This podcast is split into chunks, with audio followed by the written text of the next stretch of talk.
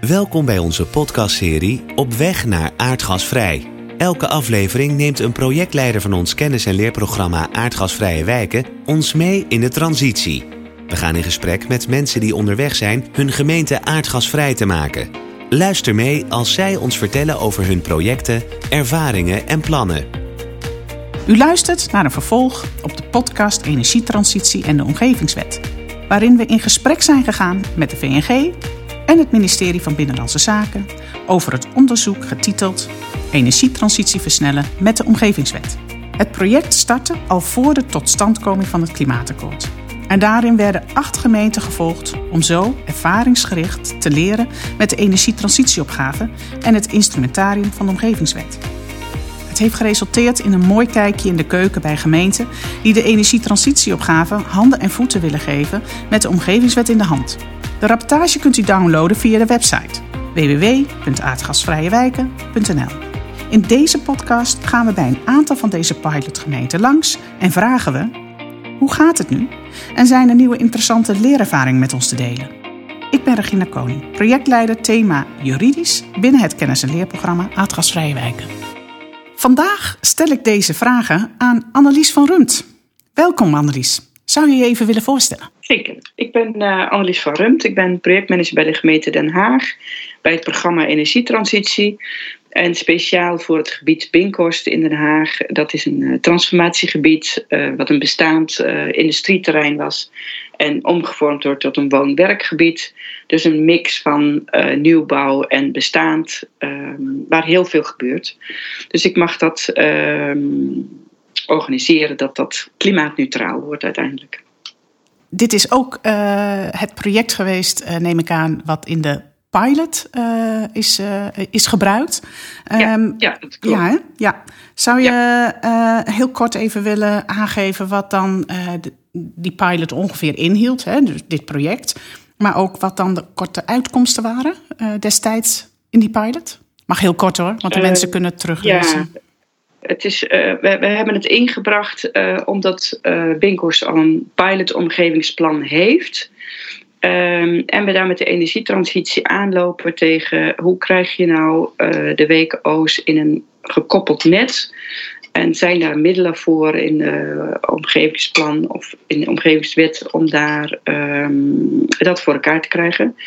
En um, nou, de resultaten waren eigenlijk nog niet echte handvaten hebben we gekregen. We hebben wel uh, veel inzicht gekregen in hoe het omgevingsplan en omgevingswet werkt. En ook de contacten met de juridische collega's van binnen de gemeente uh, waren daardoor heel intensief en, nuttig. Um, en we hebben ook al andere gemeentes gehoord natuurlijk. Uh, maar voor onze eigen casus had het nog niet zoveel opgeleverd. Oké. Okay. En hoe is dat dan nu? Want uh, we zijn weer een tijdje verder. Uh, zijn er ja. nog ontwikkelingen geweest uh, vanaf dat moment? Ja, we hebben zeker wel stappen gemaakt. Ehm, we hebben de potentie van de aardgasmie onderzocht. En daar blijkt toch goede kansen in te zitten.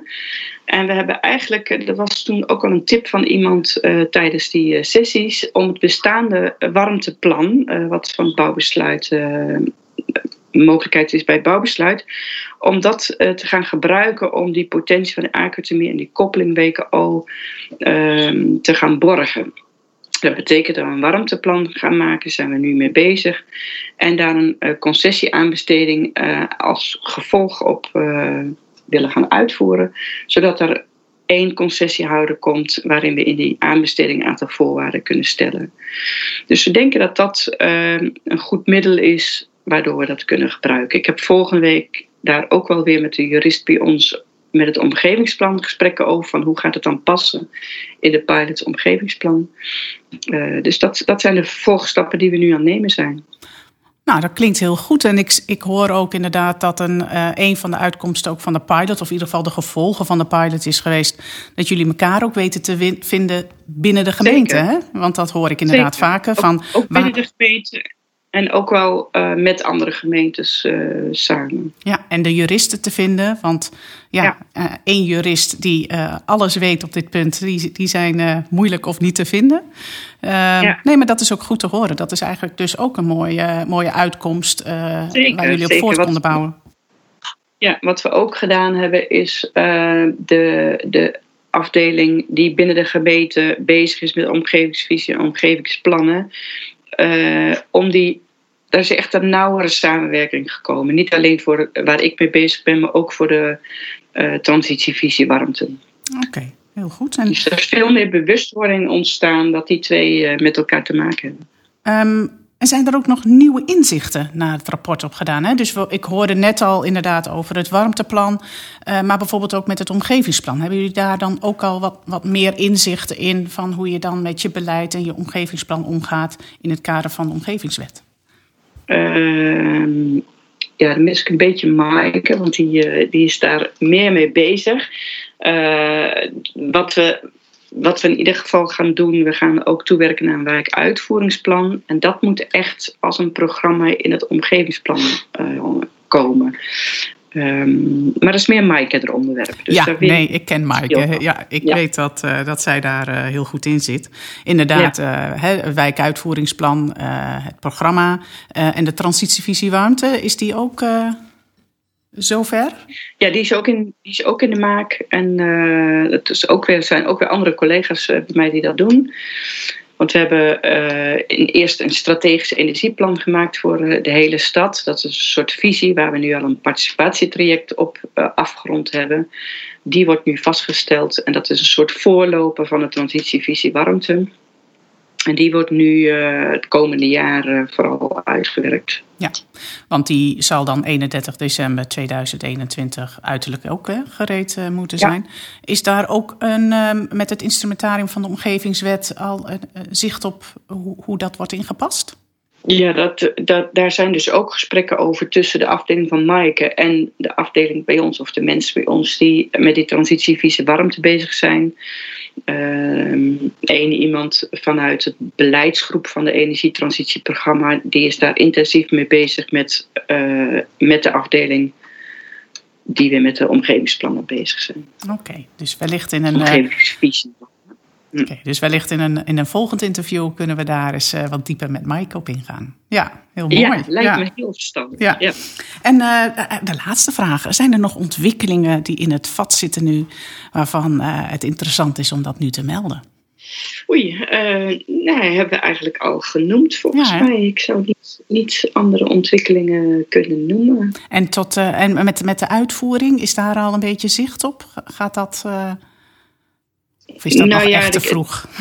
Dat is nog net iets te vroeg. We hebben wel in de Binkhorst is het wel heel uh, spannend, omdat je daar met al lopende projecten bezig bent met bestaande bouw en met de nieuwbouw die wat verder weg ligt. Dus die concessie-aanbesteding uh, die we nu doen voor het gebied met, in combinatie met het warmteplan. Um, dat is vooral voor de partijen die vergunningen gaan aanvragen nadat het warmteplan van kracht is. Maar er zijn ook partijen die nu al ontwikkelen en die proberen we daar ook wel weer uh, bij te betrekken.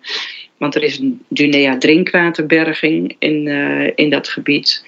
En dat heeft een hele mooie potentie om die aquatemie daar goed tot stand te brengen.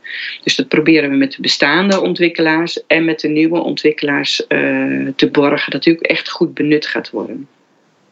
Dus dat is echt wel een hele mooie casus. Ja, het is ook mooi om te volgen hè, vanuit het KLP. Dus daar zal ik zeker nog eens een keer uh, ja. voorbij je terugkomen als dat ja. mag. Ja, ja heel fijn. Zeker, ja. zeker. En uh, is er nog een, uh, gewoon even een laatste als, als uitsmijter, um, een, een, een mooi, mooie tip voor al die 355 gemeenten die naar deze podcast luisteren, die je zou willen meegeven?